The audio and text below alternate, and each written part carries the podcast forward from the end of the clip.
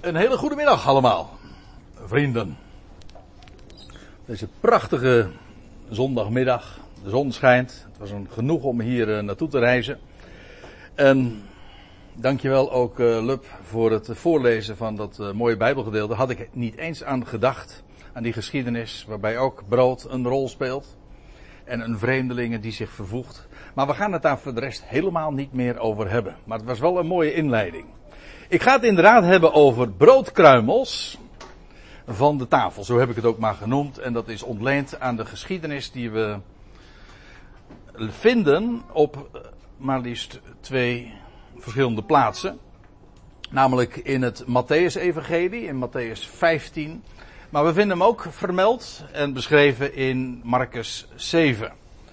En het is altijd wel boeiend om zulke gedeelten parallel plaatsen naast elkaar te leggen. Dat heb ik hier ook even gedaan zoals u dat op deze dia ziet.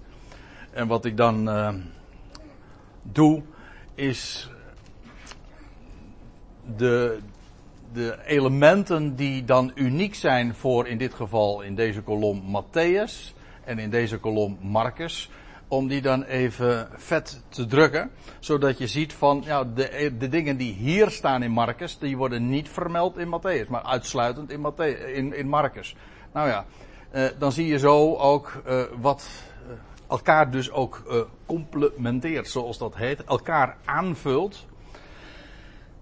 En ik neem u vanmiddag eh, mee naar het Matthäus-evangelie. En zo af en toe zal ik voor mezelf ook wel verwijzen naar aanvullende informatie die we dan uit Marcus 7 be, beschreven vinden. Iedere keer valt het trouwens ook op, maar dat zeg ik dan eventjes uh, nog uh, terzijde, is dat zulke gedeelten dan uh, op een verschillende wijze beschreven worden. En ook allebei, eh, zowel in het Matthäus als in het Marcus Evangelie, ook weer een eigen doel dient. Het is maar niet zomaar eh, domme of blinde of niet zeggende herhaling. Absoluut niet.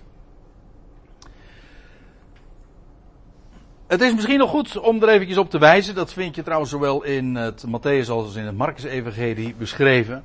Uh, het direct voorafgaande, want dat dient eigenlijk ook als contrast voor de geschiedenis die we nu gaan lezen. De geschiedenis in mijn Bijbel staat daarboven, als ik me niet vergis, de Canaanese vrouw. Uh, dat vind ik altijd een beetje een vreemde uitdrukking. Ik weet wel, vroeger deed het mij altijd denken aan, of sterker nog, ik wist niet eens het verschil, met een Canadese vrouw. Maar dat was het niet. En het is ook niet een vrouw uit Cana, dat zou je ook nog kunnen denken, een Canaanese vrouw. Uh, waarom de vertalers dat zo gedaan hebben, weet ik niet. Want het is eigenlijk gewoon Canaanitisch. En ik zal u dat straks ook laten zien. Maar in het direct voorafgaande lees je dat uh, de fariseeën tot Jezus komen. Vanuit, met een delegatie, zelfs helemaal vanuit Jeruzalem. U moet zich voorstellen, uh, dit, deze geschiedenis is heeft plaatsgevonden in het noorden van Israël. En dat wil zeggen het direct voorafgaande, daar aan het meer van Galilea. Er was een delegatie van fariseeën gekomen, schriftgeleerden uit Jeruzalem, om het Jezus moeilijk te maken. En om hem ook allerlei uh, strikvragen voor te leggen, et cetera. En wat je dan vooral ziet is een confrontatie met dit volk. De Heer Jezus haalt dan dat ook aan. Hè. Dit, hij zegt terecht, zegt Jezaja, dit volk eert mij met de lippen, maar hun hart is ver van mij. En ze hielden zich bezig met allerlei spitsvondige uh, aangelegenheden, wat wel kon en wat niet kon. En ze waren heel drukdoende met werken, verdienen, religie. En orthodox als ze waren, dat wel. En dat is de directe achtergrond van de geschiedenis die we nu gaan lezen. En ik haak dan aan bij vers 21 van Matthäus 15. Dus nadat die geschiedenis is beschreven. Ik, uh, het twistgesprek met de fariseeën had plaatsgevonden. En dat ging onder andere ook over vanaf vers 10 tot en met 20 over rein niet rein, het eh, wassen van de handen, uh, voorafgaand aan de eten. En dan niet om hygiënische redenen, maar om rituele, cultische redenen. Nou, die zaken die waren allemaal aan de orde gekomen. En dan lees je in vers 21. En Jezus ging vandaar. En hij bevond zich in Genezaret. Wat een, de Griekse benaming is van een Hebreeuwse woord eigenlijk. Dat is Kinneret. Het meer van Kinneret. En Kinneret is. Uh, dat betekent harp. Dat is gewoon dus het meer van Genezaret. Het heeft de vorm van een harp. Daar bevond Jezus zich. En hij trok zich terug. En dat vind je ook in Marcus 7. Er staat er nog iets bij. En dan staat er, hij nu, Jezus, stond op en ging vandaar weg. Tot in de grensgebieden van Tyrus. En toen hij een woonhuis binnenging, wilde hij dat niemand zou weten. En hij, en hij kon niet onopgemerkt blijven. Dat was, of, en hij kon desondanks niet onopgemerkt blijven. Maar hij wilde dat niemand iets zou weten. Dus hij wilde daar incognito, uh, onherkenbaar zijn. En hij trok zich juist ook terug. Daarom ging hij naar, zoals je dan leest, tot in de delen van Tyrus en Sidon. Eventjes ter op, ter verheldering. Dit is dus dat meer van Kinneret. U ziet het, het heeft de vorm van een harp. En hij bevond zich hier in Genezaret. En hij ging dus vandaar. Hij trekt zich terug in het heidense land. En gaat naar het gebied van Phoenicië, Tyrus, uh, Sarepta, dat, uh, Sarfat, waar uh, ooit Elia was geweest. En Sidon, hier, hij, tot in de delen van Tyrus en Sidon, daar ging hij naartoe. Dat waren twee belangrijke havenplaatsen. De twee belangrijkste havenplaatsen in Venetië of Phoenicië. En uh, als we eventjes teruggaan in de Bijbelse geschiedenis, dan vind je dat al in de dagen van David en Salomo dat dit een grote rol speelde. Omdat het was het, dat die twee steden vormden zelfs het centrum van een grote wereldmacht. Je leest ook over de vriendschap van David en later Salomo met koning Hiram. En daar waren grote koloniën, ook uh, in Italië en overzees, uh, die Phoenicië had. En dat Phoenicië had dus als, als de grote belangrijke havensteden Tyrus en Sidon. Je vindt het heel dikwijls terug in de Hebreeuwse Bijbel. Afijn, Jezus keert daarna, keer, of die trekt zich terug en hij gaat in, in dat heidense gebied voor voor een tijd zich terugtrekken. Je leest trouwens al eerder in het Matthäus-evangelie dat hij Tyrus en Sidon ook noemt. En ik lees het maar even voor, want daar staat er in vers 21 van Matthäus 11: Wee u Gorazin, wee u Bethsaida. Daar richt hij zich dus tegen, op die steden, die plaatsen, die dorpen rond het meer van Kinneret.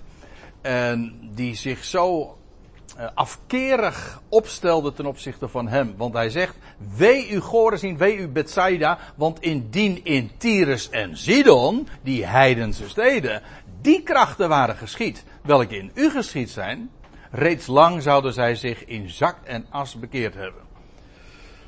En hier klinkt al iets in door van dat het volk dat de naam had, met de lippen beleed, ze, eh, beleed men God en men was bezig met het woord. Maar in werkelijkheid had men er niets van begrepen. En zelfs zulke heidense steden, uh, niet-Joods, volstrekt buiten de dienst van God staand, die hadden veel meer oor en oog voor dat wat uh, van God was. Indien de krachten geschied waren die in uh, Gorazin en Bethsaida en Capernaum enzovoorts geschied waren, reeds lang zouden zij zich in zak en as bekeerd hebben.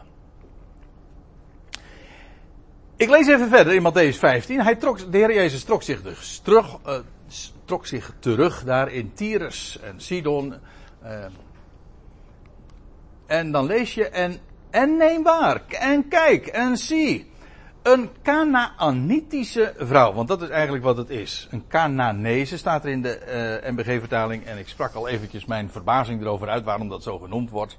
Want dat lijkt me alleen maar verwarrend. Maar het idee is dus inderdaad dat ze een Canaanitische vrouw was. En nou, aardig om daar eventjes op in te zoomen. Canaanitisch. Ze, Canaan, moeten we even heel ver teruggaan in de geschiedenis. Dan gaan we naar het boek Genesis. Canaan was een van de vier, bekend, eh, eigenlijk een van de bekendste ook, van een van de vier zonen van Gam. En van wie ook gelezen, van wie we lezen dat hij vervloekt werd. Dat is nog weer een verhaal apart. Niet Gam werd vervloekt, zoals dikwijls gedacht wordt, maar Canaan, zijn, zijn zoon. En hij was trouwens, dat is interessant, eh, in Genesis 10 lees je dat, eh, die Canaan, dat was de, de vader van Sidon. En dat was weer dus die stad waar we het net over hadden. Dus feitelijk, eh, dat is heel boeiend als je dat in Genesis 10 en 11 leest over die volkerentafel. Feitelijk, het komt erop neer dat al die, die zonen, kleinzonen, al die families die uit Noach voortkomen, ja, die hebben zich uh, na de torenbouw van Babel hebben zich, uh, ze zijn verspreid en in kolonies, ze hebben zich uh, als families ook erg gezetteld. Canaan zettelde zich dus in het land van Canaan, ja. En nou, Sidon, die, ze, die ja, naar hem werd een stad genoemd. En het waren dus eigenlijk gewoon persoonsnamen die later ook die hun naam zeg maar ook verbonden met een bepaalde stad of een dorp of, of een gebied ook. En Canaan, dat weten we, uh, dat weten we allemaal. Canaan is vooral uh, bekend als de naam van het gebied waar dat was dat aan Israël beloofd was.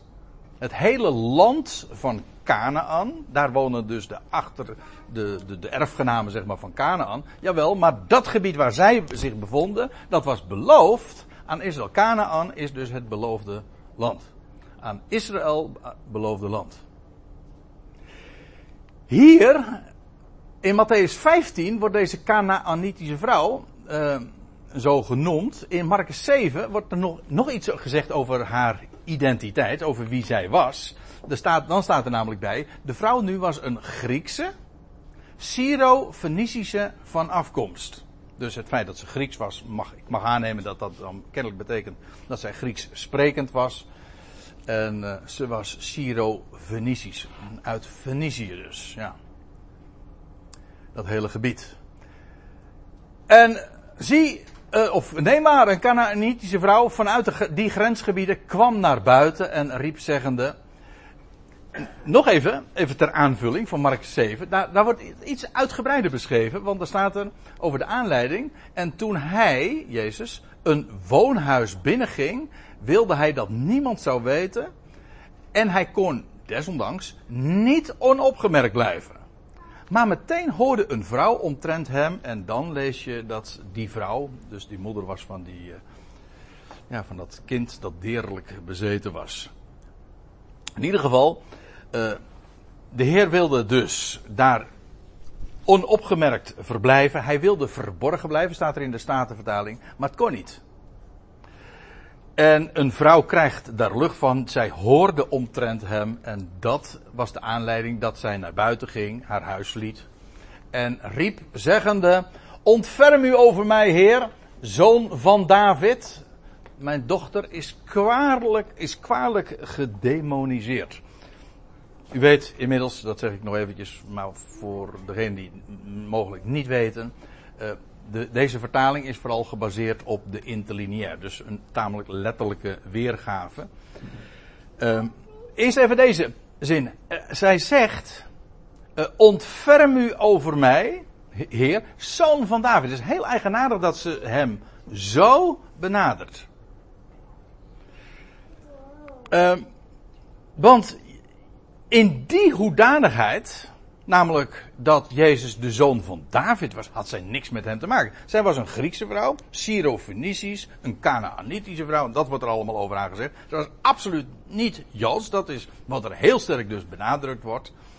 Maar waarom spreekt zij hem dan aan als de zoon van David? Kennelijk, nou ja, één ding weten we, ze had over hem gehoord. Uh, ik kom er straks nog even op terug, want er was uh, een roep van hem uh, uitgegaan. Uh, eerst nog even dit. Kijk, die uitdrukking, of die benaming, de zoon van David, ja, in die relatie, of in die naamgeving klinkt door wie hij is ten opzichte van zijn volk. De zoon van David is de erfgenaam van de koning. En ja, dat heeft dus eigenlijk alleen maar te maken met het feit dat hij een koninkrijk heeft, namelijk het koninkrijk van Israël, waar David uh, koning over was. Zo spreekt ze hem aan. Zoon van David. En uh, hoe zij dat. Uh, hoe zij daaraan kwam, zij heeft er kennelijk over gehoord. Maar het is wel heel eigenaardig dat zij hem zo noemt. Want in die hoedanigheid had Jezus dus niks met haar te maken. Ze zegt er nog bij, mijn dochter is kwalijk, is kwalijk gedemoniseerd. Mijn dochter, in uh, Marcus 7 lezen we uh, nog iets preciezer. Het was een dochtertje. Dus het was nog een klein meisje. En dat kwalijk gedemoniseerd. in de MBG-vertaling staat bezeten. Je ziet, hier wordt altijd, in het Grieks wordt daar het woordje demon gebruikt. En wel dat ze gedemoniseerd wordt. De wijze waarop dat, dat, dat iseren, dat is eigenlijk een Griekse uh, werkwoordsvorm. En dat wil zeggen dat iets tot een demon gemaakt wordt. Uh, ik bedoel, als, als ik zeg, wanneer wij woorden gebruiken met iseren, kristalliseren wil zeggen dat je iets tot een kristal maakt. En als iemand destijds in de dagen van uh, Pim Fortuyn hoorde je dat woord ook nog eens een keertje voorbij komen in de politiek en zo, dat hij gedemoniseerd werd. En daar bedoelen ze mee, hij werd tot een demon gemaakt. En dat is het woord wat hier gebezigd wordt. Echt, eigenlijk vrijwel letterlijk, het, het werkwoord demoniseren. Demonisch gedreven. Ja, bezeten. Maar letterlijk dus dit. Kwalijk. Op een deerlijke wijze. Dus in de NBG-vertaling, eh, in de NBG-vertaling, ja, maar in het Marcus-evangelie wordt er nog, uh, wordt het anders benoemd. Daar wordt gezegd, ze had een onreine geest. Een onzuivere geest. En dat was zeer kwalijk. En daarom dat uh, deze vrouw ook vraagt, ontferm u. Kyrio, Kyrie eleison, dat, uh, dat woord wordt er eigenlijk gebruikt ontferm u over mij, Heer. En dan deze vrouw die zo, ja, toch meelijwekkend is en roept, die wordt zo hardvochtig, zou je zeggen, in eerste instantie eh, behandeld door de, Heer, door de Heer Jezus. Want, want uh, lees je, terwijl zij zo roept, dan, zegt, dan staat er in Matthäus 15, maar hij antwoordde haar geen woord. En dat zou je niet verwachten. En ik kan u dit verzekeren, dat was niet, dat zal uit het vervolg van de geschiedenis ook wel blijken, dat was niet omdat uh, zijn, uh, zijn hart niet geraakt was door de nood van deze vrouw. Dat een hele andere reden. En dat, de reden waarom hij niks zegt, ik heb er eigenlijk net al even wat over verteld. Namelijk de wijze waarop zij hem aanspreekt. Als zoon van David heeft hij niets met haar van doen. Zij is geen Israëliet. En dat dat inderdaad het geval is, dat blijkt dan uit het vervolg, want de Heer gaat dat straks ook uitleggen. Maar eerst, zijn eerste reactie is, en dat wekt echt verbazing, namelijk dat terwijl deze vrouw om hulp roept, uh, hij geen, geen woord daar uh, tegen zegt. En zijn leerlingen, zijn discipelen, die vroegen hem en zei: Zend haar weg, want zij roept ons achterna.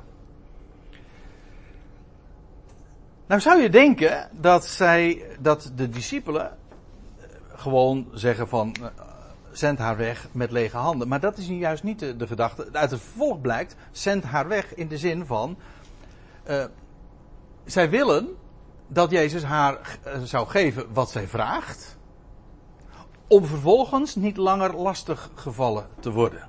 Daarom, uh, want zij roept ons na. Zij vinden dat Jezus lastig gevallen wordt, wordt En daarom, Jezus adviseren zij feitelijk, of dat geven ze aan, van doe nou gewoon wat ze uh, vraagt, zodat we van haar af zijn. En zend haar dus op deze wijze dan weg.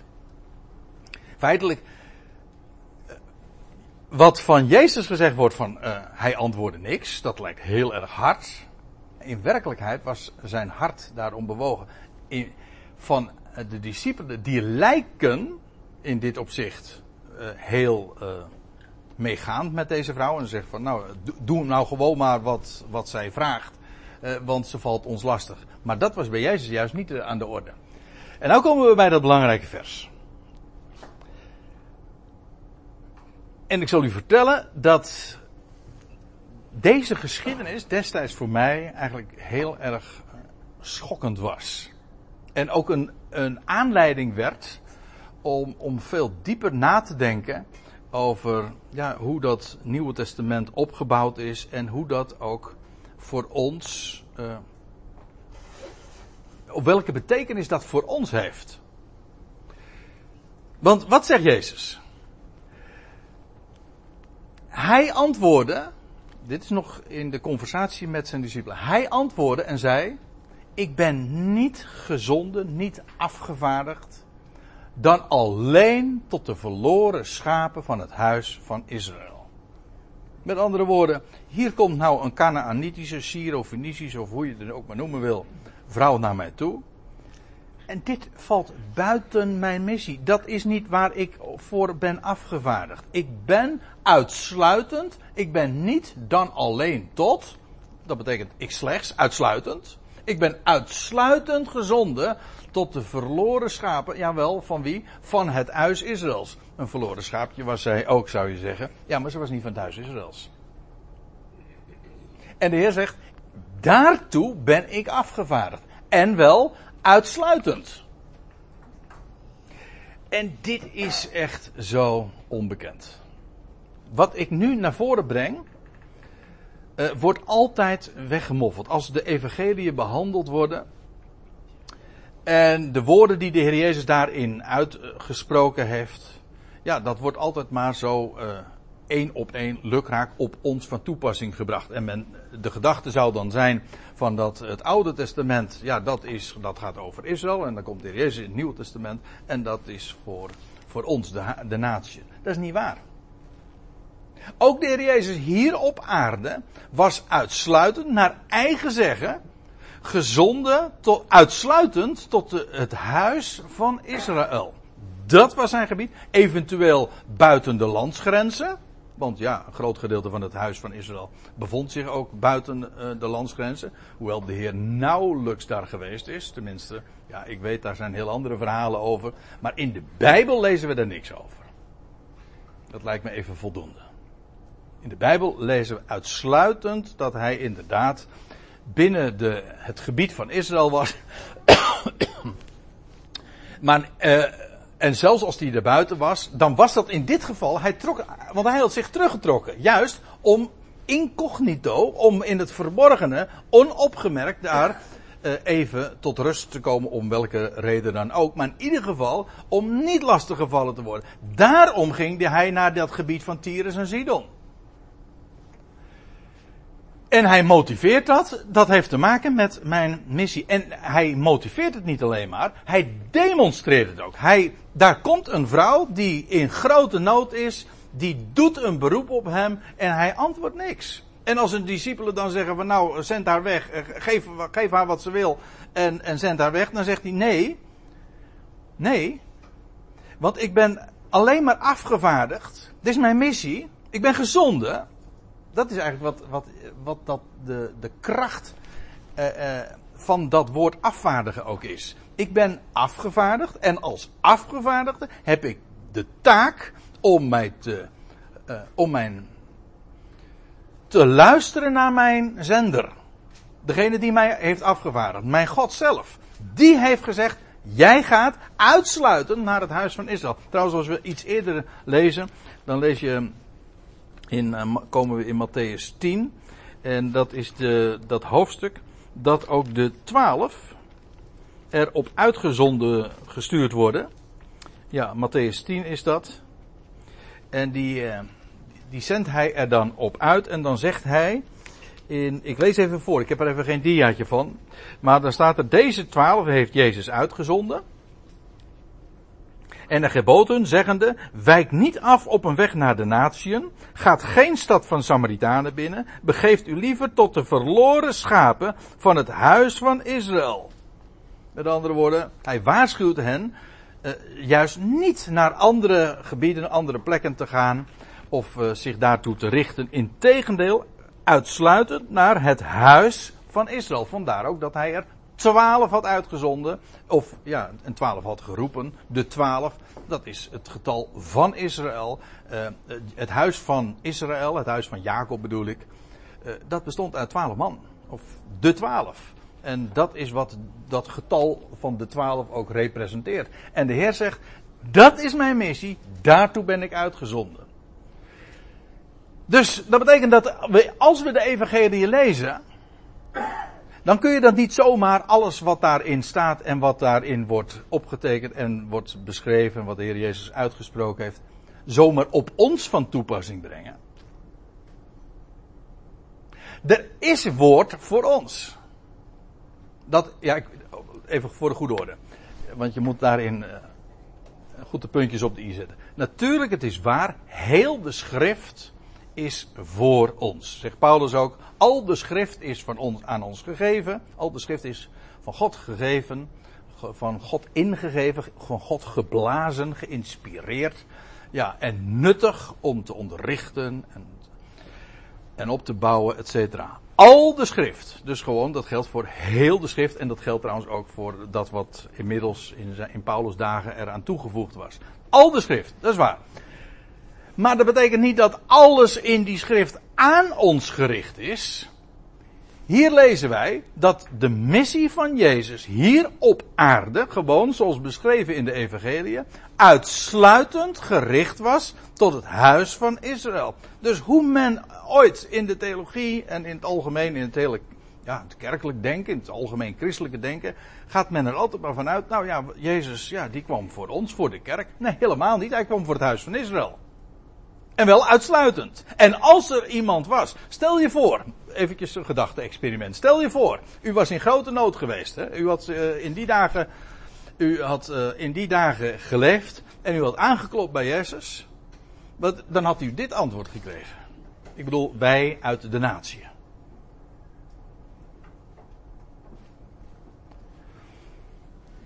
Ja, ik weet het. Uh, dat roept weer andere vragen op. Want, uh, maar die vragen die moet je ook inderdaad leren stellen. De Bijbelstudie is niet alleen maar een kwestie van goede antwoorden krijgen. Het is ook gewoon de juiste en de goede, de voor de hand liggende vragen te stellen. Je moet ook leren denken. Er is namelijk, want de vraag die dan inderdaad zich vervolgens aandringt, is van ja, maar als die schrift dan inderdaad in de Evangelie, uh, als dat gericht is aan Israël en niet aan ons, wat, uh, wat is dan wel speciaal voor ons? Nou, dat woord is er en dat is de apostel Paulus. Dat was de apostel, de heraut, die naar de natieën zou gaan en die ook de natieën zou leren en onderwijzen. Dus ja, als we willen weten hoe dat zit met die schrift, ja, moeten we, dan, dan moeten we wezen bij onze leraar, bij onze onderwijzer, bij onze meester die ons daarin inleidt. Dus dan kun je niet om Paulus heen. En eh, velen die kiezen een andere route. Die zeggen van nee, dan moet je, je komt bij de schrift, moet je altijd beginnen bij de evangelie. Nee, dat is niet waar. Het woord dat tot ons is gekomen, het woord dat naar de natieën gezonden is, dat is niet via de bediening van Jezus hier op aarde. Het woord dat naar de natie gegaan is via Paulus daar terecht gekomen. Dat is een heel belangwekkend punt om de hele schrift te begrijpen en ook om de schrift in te delen. Laat ik eerst nog even lezen wat we elders daarover vinden. Een, uh, de apostel Paulus, die ook uh, zich soortgelijk uitlaat. Want die zegt dan in Romeinen 15, want ik zeg, Paulus zegt, dat Christus een dienaar van de besnijdenis. Dat is een technische term gewoon voor het volk Israël, het volk dat besneden is. dat hij, dat Christus een dienaar van de besnijdenis is geworden. Voor de waarheid van God. Waarom? Wel om de belofte van de vaderen te bevestigen. Aan de vaderen waren beloften gegeven, aan Abraham, Isaac, Jacob. Aan hen waren beloften gegeven, aan, daarmee ook aan het huis van Jacob.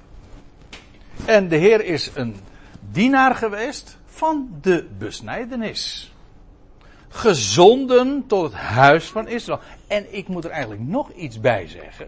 Want eh, helemaal in de lijn daarmee is ook, zijn ook degenen die hij geroepen had, de twaalf, die waren ook gezonden tot het huis van Israël. Zoals de Heer Jezus uh, zegt, hè, zoals, hij, zoals de Vader mij gezonden heeft, zo zend ik ook u. Met dezelfde missie. Ook met het oog op Israël. En de natieën die zouden wel in zicht komen, maar eerst Israël. En het idee was uh, ook uh, in de ja, in de dagen van de evangelie, in de dagen dat de Heer Jezus hier op aarde wandelde, maar ook later in het boek Handelingen. De gedachte was, perspectief was, Israël, die zou tot geloof komen. En als Israël tot geloof komt, dan keert de Messias terug. En als de Messias terugkeert, dan bouwt hij zijn koninkrijk, de zoon van David. En dan, als Israël hersteld is, dan zal via een hersteld Israël heel de wereld daarin gaan delen. Maar via een gelovig, een bekeerd of hersteld Israël. Dat is een heel ander verhaal. Want u weet, zeg ja, maar uh, wacht even. Israël, die kwam niet tot geloof. Hoe nu verder? Juist, en dat is nou precies het verhaal van de dertiende apostel. En zo is het bij de natie gekomen. Niet dankzij Israëls herstel, maar juist door hun val, door hun ongeloof kwam het bij de natie terecht. Dat is de, de diepgang en ook de grote betekenis van de apostel Paulus in dit alles. Daar, dat kan niet of nauwelijks worden overschat. Hoe belangwekkend dat die lijn is en ook die onderbreking in de lijn. Dit antwoord is, uh, ja, dat is eigenlijk het centrum ook van dit gedeelte. Maar ik, ik, ik blijf daar niet bij, want ik wil even verder gaan nog. Want uh, wat ik trouwens zojuist zei over de twaalf, dat, daarvan lezen we ook in, uh, in de gelaten brief. dat, dan worden de namen van Jacobus, Johannes en Petrus genoemd. In die volgorde trouwens ook. Dezelfde volgorde als we ook hun brieven in het Nieuwe Testament vinden. En dan wordt er gezegd van, nou, Paulus die zou naar de natieën gaan. En Jacobus, Johannes en Petrus, die richten zich tot de besnijdenis. En wij, en nou hebben wij brieven in de Bijbel van Jacobus. En dan krijg je de brief van Petrus. En dan krijg je de brieven van Johannes. In die volgorde. En dan stelt men zich de vraag van, ja, nou ja, of dan zegt men dat zijn katholieke, de katholieke brieven, hè, de algemene brieven. Dat zijn geen algemene brieven. Sterker nog, dat zijn brieven aan de besnijdenis. Als er één katholieke brieven, ik geef toe, dat heeft een wat kerkelijke eh, smaak en uh, associatie. Zo bedoel ik niet katholiek in de zin van algemeen. Als er één algemeen is, dat wil zeggen die een, een, uh, zich richt tot iedereen, in het algemeen dus, ja, dat is Paulus. Maar niet Jacobus, Petrus en Johannes, die richten zich heel specifiek tot de besnijdenis. Niet alleen maar omdat ze tot de twaalf behoren, maar ook, het was zelfs de officiële afspraak. In Galaten 2 vers 9 wordt dat gewoon zwart op wit, keihard, duidelijk uh, geformuleerd. En aan hen was ook dat heeft niet alleen maar te maken met de adressering van hun boodschap. Het was ook de aard van hun boodschap, want het heet in twee versen eerder, in Galaten 2 vers 7, wordt het ook genoemd het evangelie van de besnijdenis. Helaas in de NBG-vertaling heeft men ervan gemaakt het evangelie aan de besnijdenis, maar dat is het niet. Het is het evangelie van de besnijdenis. Dat, is, e- dat evangelie van de besnijdenis was aan hen toevertrouwd. Zoals een Paulus het evangelie van de vooruit. Dat is een andere boodschap. Een andere ja, scopus, zoals dat dan met een duur woord heet. Een andere. Een heel, een, heel andere uh, uitgangspunt. Natuurlijk, dus het was dezelfde Heer. Dezelfde Heer die aan deze mannen, de twaalf, een missie gaf. was dezelfde Heer die ook aan Paulus een missie gaf. Maar verwar die boodschap niet. Ze zijn onderscheiden. Heel belangrijk. Ook al hebben ze een, natuurlijk eh, heel veel gemeenschappelijk, natuurlijk. Maar het verschil is buitengewoon belangwekkend. Nou ja, dit zijn allemaal wat overwegingen die ik er zo, uh, zo bij betrek. Het belangrijkste nu even is om vast te stellen dat de Heer zegt: Ik ben uitsluitend afgevaardigd tot het uh, huis van Israël. En dan even, lees ik nog even verder. Maar zij kwam en ze viel voor hem neer en zei: Heer, help me. Je hoort het er zeggen. En, uh, ze viel voor hem neer. In uh, de NBG-vertaling zei aanbad. Er staat eigenlijk een, een woord dat, dat betekent naartoe kroelen. Dat is de. Wat, als, je, als je trouwens in de. Ja, het klinkt wat vreemd. Maar dat is precies wat een hond doet. Naar, naar zijn baasje. Ik, dat is trouwens geen beeld dat ik zelf bedenk. Dat is wat je gewoon in de lexicons en de woordenboeken over het Grieks uh, kunt lezen. Dit woord is afgeleid van wat een hond doet bij zijn baasje. en dan komt hij en dan legt hij neer en dan, dan likt hij je hand en zo. Hij, hij, hij komt naar je toe kroelen. De, uh, vandaar ook dat uh, de NBG-vertaling, of de Statenvertaling weet ik eigenlijk niet. Maar de NBG-vertaling geeft dat heel vaak ook weer voor de voeten vallen. Voor de voeten neerliggen. En waarmee natuurlijk zij ook niet, haar hulpvraag ook ja, fysiek uitbeeldt. Help me! En ze, en ze valt voor zijn voeten neer. Heer, help me. Maar hij antwoordde en zei. En feitelijk herhaalt hij wat hij nu zojuist had gezegd. Het is niet goed het brood van de kinderen te nemen en voor de hondjes te werpen. Het brood van de kinderen. Het brood. Nou, gewoon eh, het woord. De boodschap. Het woord van God. Dat bestemd was voor de kinderen. Namelijk de kinderen Israëls. Wel, dat brood, dat is voor, voor hen bestemd. En niet voor de hondjes. En het moet toch duidelijk zijn. Eh, om even nog iets aan te geven. Het brood van de kinderen dat is het woord wat de Heer Jezus sprak. De bediening die aan hem was toevertrouwd. Hij was afgevaardigd naar het huis van Israël. En dat wat hij te spreken had, wat, wat hij te bieden had, dat was het brood. En voor wie was dat? Voor het huis van Israël. Voor de kinderen Israëls. Hij zegt, dat brood, dat ga ik niet geven aan, aan de hondjes. Ik wil er trouwens nog iets bij zeggen. Kent u dit fenomeen? Ik heb hier een plaatje van een zogenaamde Red Letter Bible. In het Nederlands is het niet zo populair. Maar in het Engels, in het Engels, in de Anglo-Saxische wereld uh, zie je heel vaak uh, zulke Bijbels. En uh, het idee van die Red Letter Bible is dat alle woorden in de Evangelie die door de Heer Jezus zelf zijn uitgesproken, in het rood zijn afgedrukt. Om daarmee ook aan te geven van, let op, dit zijn de van heel de schrift zijn dit de belangrijkste woorden voor ons. Als ik een Red Letter Bijbel zou moeten uitgeven, dan weet u wel wat ik, wat ik rood zou afdrukken. En ik heb het namelijk net uitgelegd. Namelijk het woord dat speciaal voor ons is. Begrijp me goed. De woorden die de Heer Jezus sprak, dat was niet, ik, ik bedoel daarmee niet te zeggen het is onbelangrijk. Ik vind het juist heel erg belangrijk. Maar dan wel in de context waarin hij het zelf plaatste. Met nadruk. Hij zegt, dit brood is bestemd voor de kinderen. En jij, uh, dat is feitelijk wat hij uh, zegt tegen dat vrouwtje. Vrouw, nou ga ik ook uh, in verkleinwoorden spreken. tegen die vrouw, die hulpbehoevende vrouw. Ja, ten opzichte van mijn missie ben, val, vallen de natieën in de categorie van de hondjes.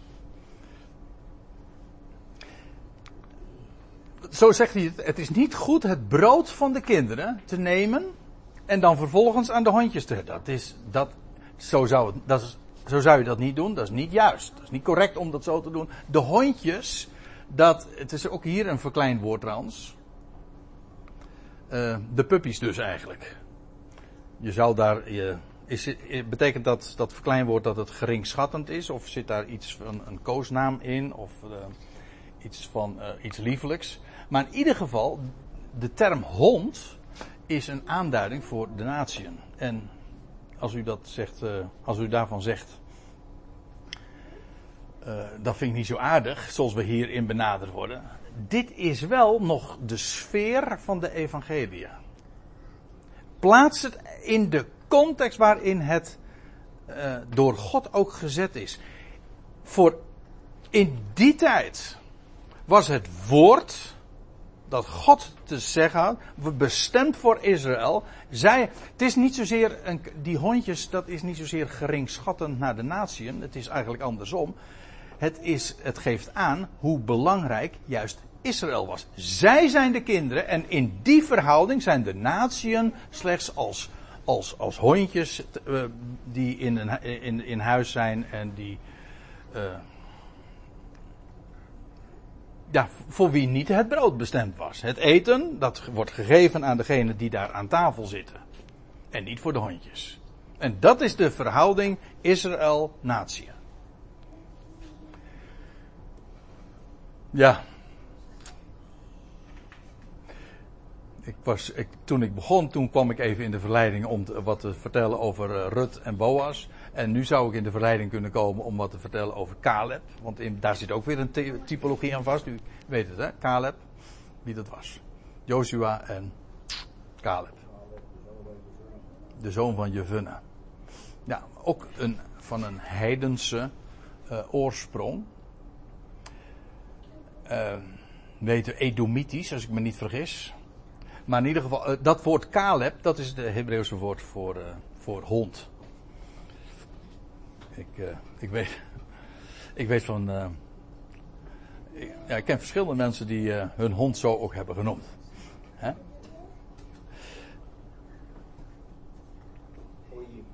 De Goyim, ja. Ik ben jou, André. Oei, ik, eh, dan hou je of heel erg veel van je hond. Laat ik het daar maar houden.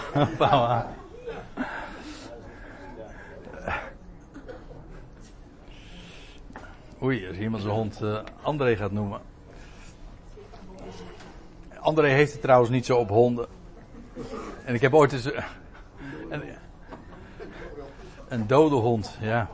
Dat, uh, dat waren trouwens de woorden die ooit gesproken werden door Mevi Bozet. Ik, ik ben dus slechts een dode hond.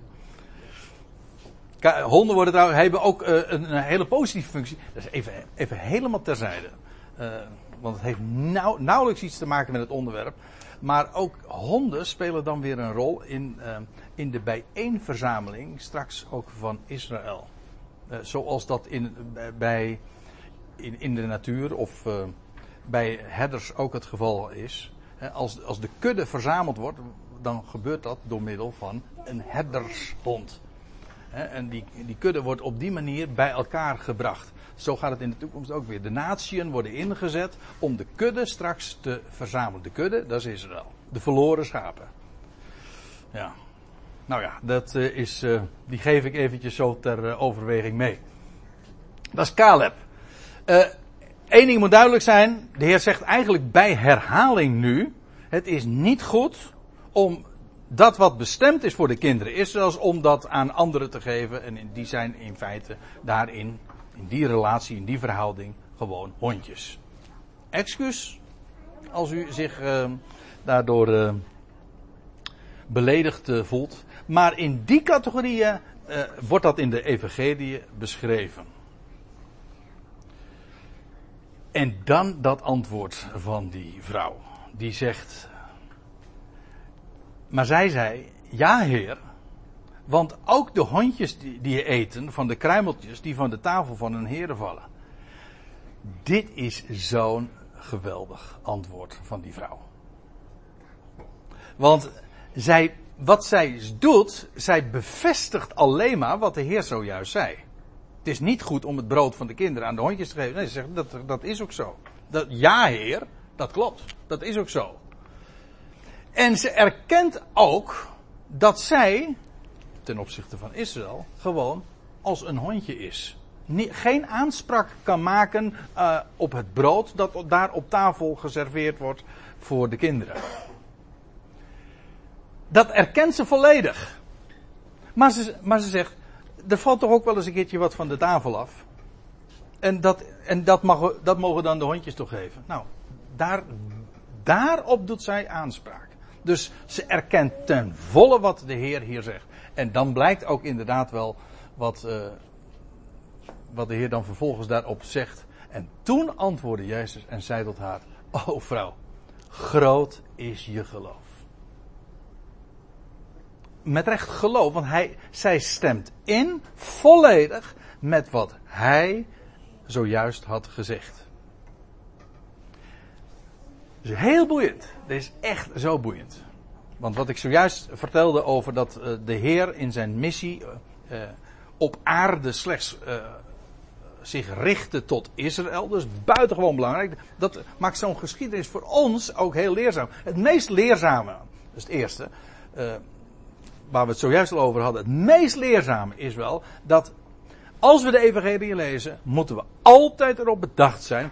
Dit is brood voor de kinderen. Dit is gericht, uitsluitend zelfs, tot Israël. Ook al luisteren we mee, dan nog realiseren wij ons, en zouden we ons realiseren, dit is bestemd voor dit volk en niet zomaar voor ons, de natieën. Absoluut niet. Dus je ziet, in feite, als ik het even theologisch zou mogen zeggen, in feite is dit ook een hermeneutische sleutel. Dat wil zeggen, een uitlegkundige uh, code. Zo, hoe wil je de schrift benaderen? Nou, bedenk goed dat als je het evangelie leest, dit is brood voor de kinderen Israëls. Uitsluitend. Dat verzin ik niet. Dat heeft de Heer zelf ook zo gezegd. Dat lijkt me buitengewoon belangrijk. Dat als je de evangelie leest. Uh, dat je weet. Dat je dat ook kunt taxeren. Dat je dat ook kunt plaatsen. Met recht kunt plaatsen. Dit hoort in het huis. Namelijk van Israël.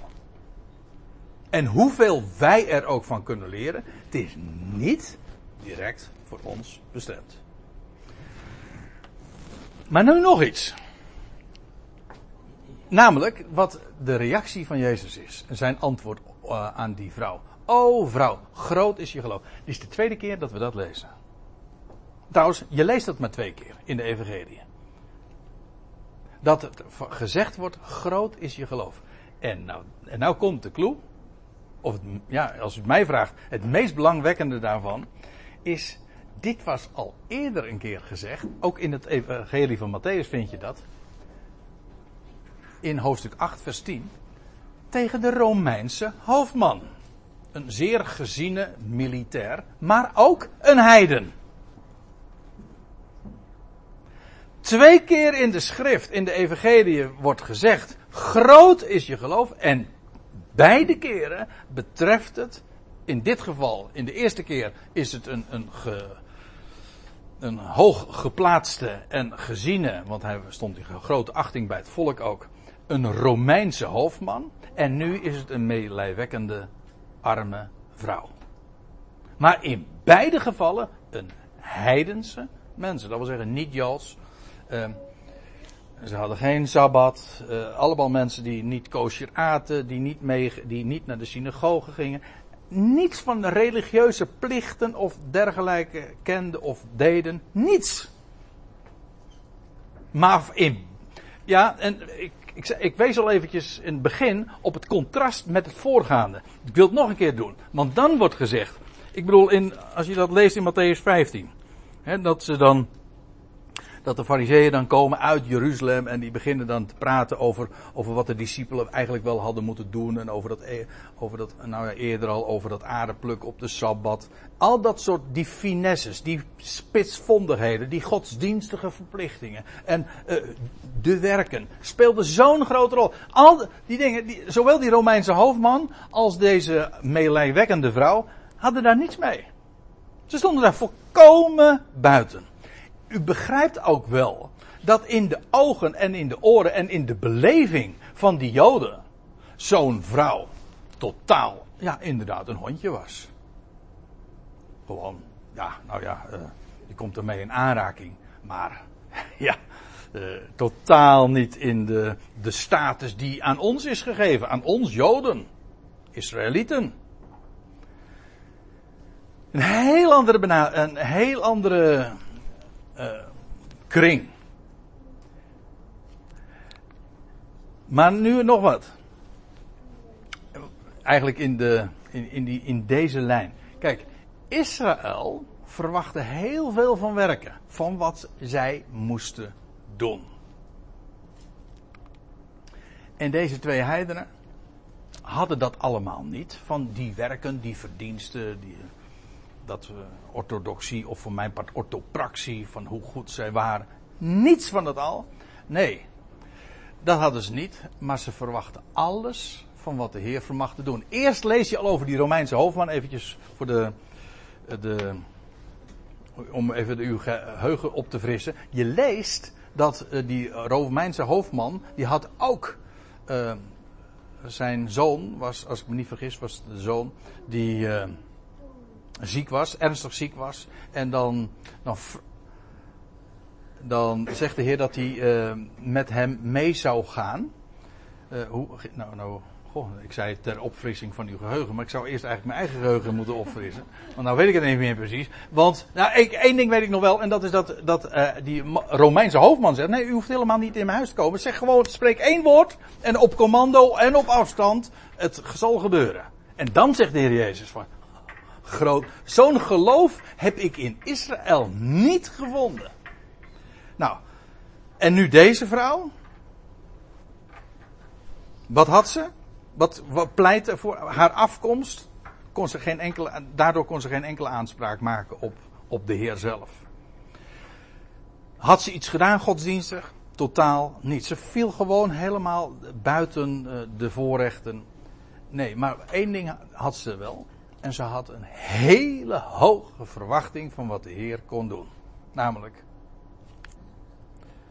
wat hij kon geven. Ze zegt een kruimeltje van de tafel. Ik heb geen recht op dat brood. Maar als er nou een kruimeltje van afvalt. Dan is dat genoeg voor, om mijn dochter te genezen. Ze had niets qua werken in de ogen en nogmaals in de beleving van de Joden was, was zij niets anders dan een, een, een, een, een huisdier, een hond en meer niet. Ja, maar ze had een geweldig groot geloof.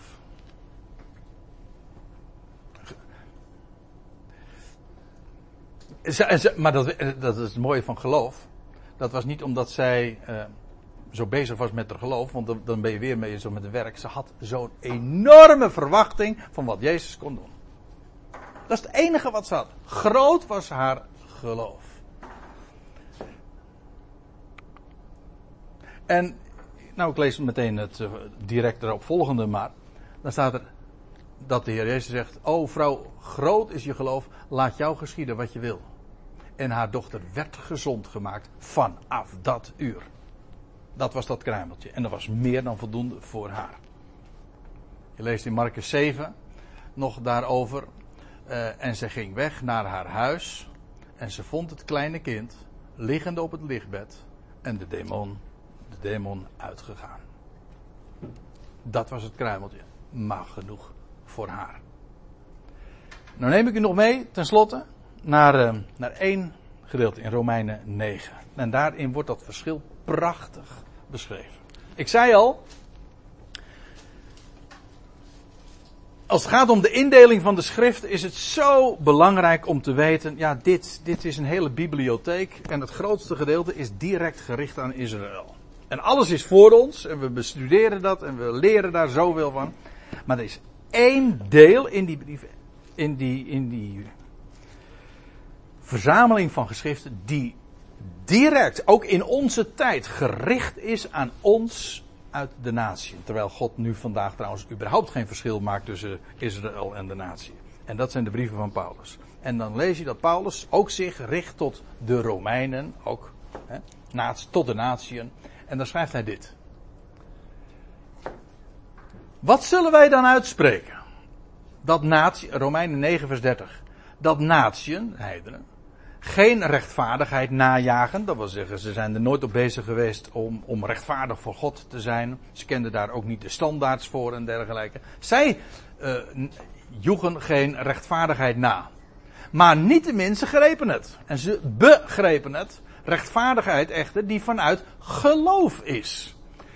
Israël, ziet u de tegenstelling? Natieën, Israël. Israël echter, najagend een wet van rechtvaardigheid, denken door de wet uh, rechtvaardig voor God te kunnen worden, is tot in wet niet toegekomen. Ze is aan de wet, staat er in de MBG-vertaling dan, is ze aan de wet niet toegekomen. Hoezeer ze ook hun werk, wet hun best deden. En nou, en nou komt de grote vraag, hoezo? Paulus stelt die vraag zelf. Hij zegt, vanwege wat dan? Hoezo is het dan dat Israël daar niet toegekomen is en de natieën die er nooit naar gejaagd hebben, die hebben het wel uh, ontvangen? Nou, het antwoord is eigenlijk hier al gegeven. Daar staat er, omdat het niet uitgaat van geloof, maar als van uitwerken. En daarom stoten ze zich aan de steen van aanstoot. Alles in de schrift gaat om geloof. En het verwachten van hem. Niet om, om dingen te doen of dat je.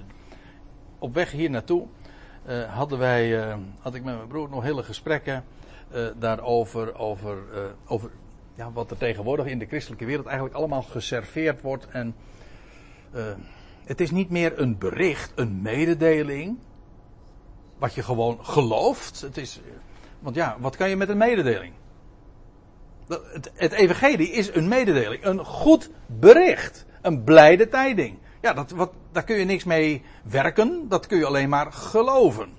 Er valt niks mee te werken. En men heeft van het evangelie, heeft men een werk gemaakt. Een, een, een programma. En dan, eh, nou ja, wij hadden over allerlei dingen die dan in allerlei christelijke media dan naar voren gebracht worden. Van, eh, dat je dan eh, goed zou moeten zijn voor de bijvoorbeeld over Lucas 15 ging het. Uh, Lucas 15, waarbij je dan, waar je leest dat de goede herder is gekomen om het verlorene te zoeken en te vinden. En dan, wat maakt men ervan? Ja, wij, wij zijn als kerk er dan toe geroepen om, uh, om ons te bekommeren en te ontfermen over al die verlorenen. Over, en dan denkt men aan de, aan de allochtonen en de gastarbeiders, of mensen die hier, uh, hoe noemen ze dat? De asielzoekers, nou ja, en al dat soort dingen. Of meer op het milieugebied. En dat we, ja, want de wereld die gaat helemaal naar de. De Canaanieten, zeg maar. En wij moeten daar toch wat aan doen. En dus dat betekent dat we wat minder moeten gaan vliegen, vlieguren moeten gaan draaien. En dus moet je maar denken met je bestemming als je op vakantie gaat. en wat voor eten je, je koopt. En al dat soort programmapunten. Dat zijn ecologische adviezen dan. Het is allemaal werken. Oké, weer wat anders dan wat Israël deed. Maar het gaat er niet om wat er gezegd wordt. Het gaat, het gaat erom dat men van Gods woord weer een commando, een partijprogramma maakt. Iets wat een mens moet doen en dat gaat erin. Ik blijf eventjes in de beeldspraak als koek. Ja. Dat gaat erin als. Altijd, maar het is altijd werken. Het gaat altijd om. En dan ook dus op de mens. Wat ik moet doen, of wat de ander moet doen. En daar gaat het allemaal om. En ja, wat. En maar als je dan het Evangelie van Paulus. Als je daar kennis van neemt, dan gaat het helemaal niet om wat de mens moet doen. Natuurlijk, het Evangelie heeft een uitwerking. In je denken, daarmee in je doen, absoluut. Maar daar gaat het niet om. Het is een, het is een mededeling, het is een goed bericht. Hij is de redder van deze wereld. Dat is een mededeling. Ja, dat maakt je blij, dat maakt je heel erg gelukkig. En dat zorgt er ook voor dat je wat te vertellen hebt. Dan heb je inderdaad ook een woord voor de mensen. Dat is geweldig. Als er iets trouwens ook is wat een mens transformeert, dan is het een goed bericht. Maar anders leer je een mens gewoon alleen maar kunstjes van wat ze moeten doen. En dan, doen ze dat. Want ja, dan ze, zijn ze toch weer wat beter. En dan hebben ze zich toch onderscheiden. Dan hebben we toch iets bijzonders. Allemaal werken. Maar is geen geloof. Geloof heeft te maken met de goede tijding die God heeft uh, gegeven en die hij doorgeeft via zijn afgevaardigde. Ik stel voor dat we het hierbij laten voor vanmiddag.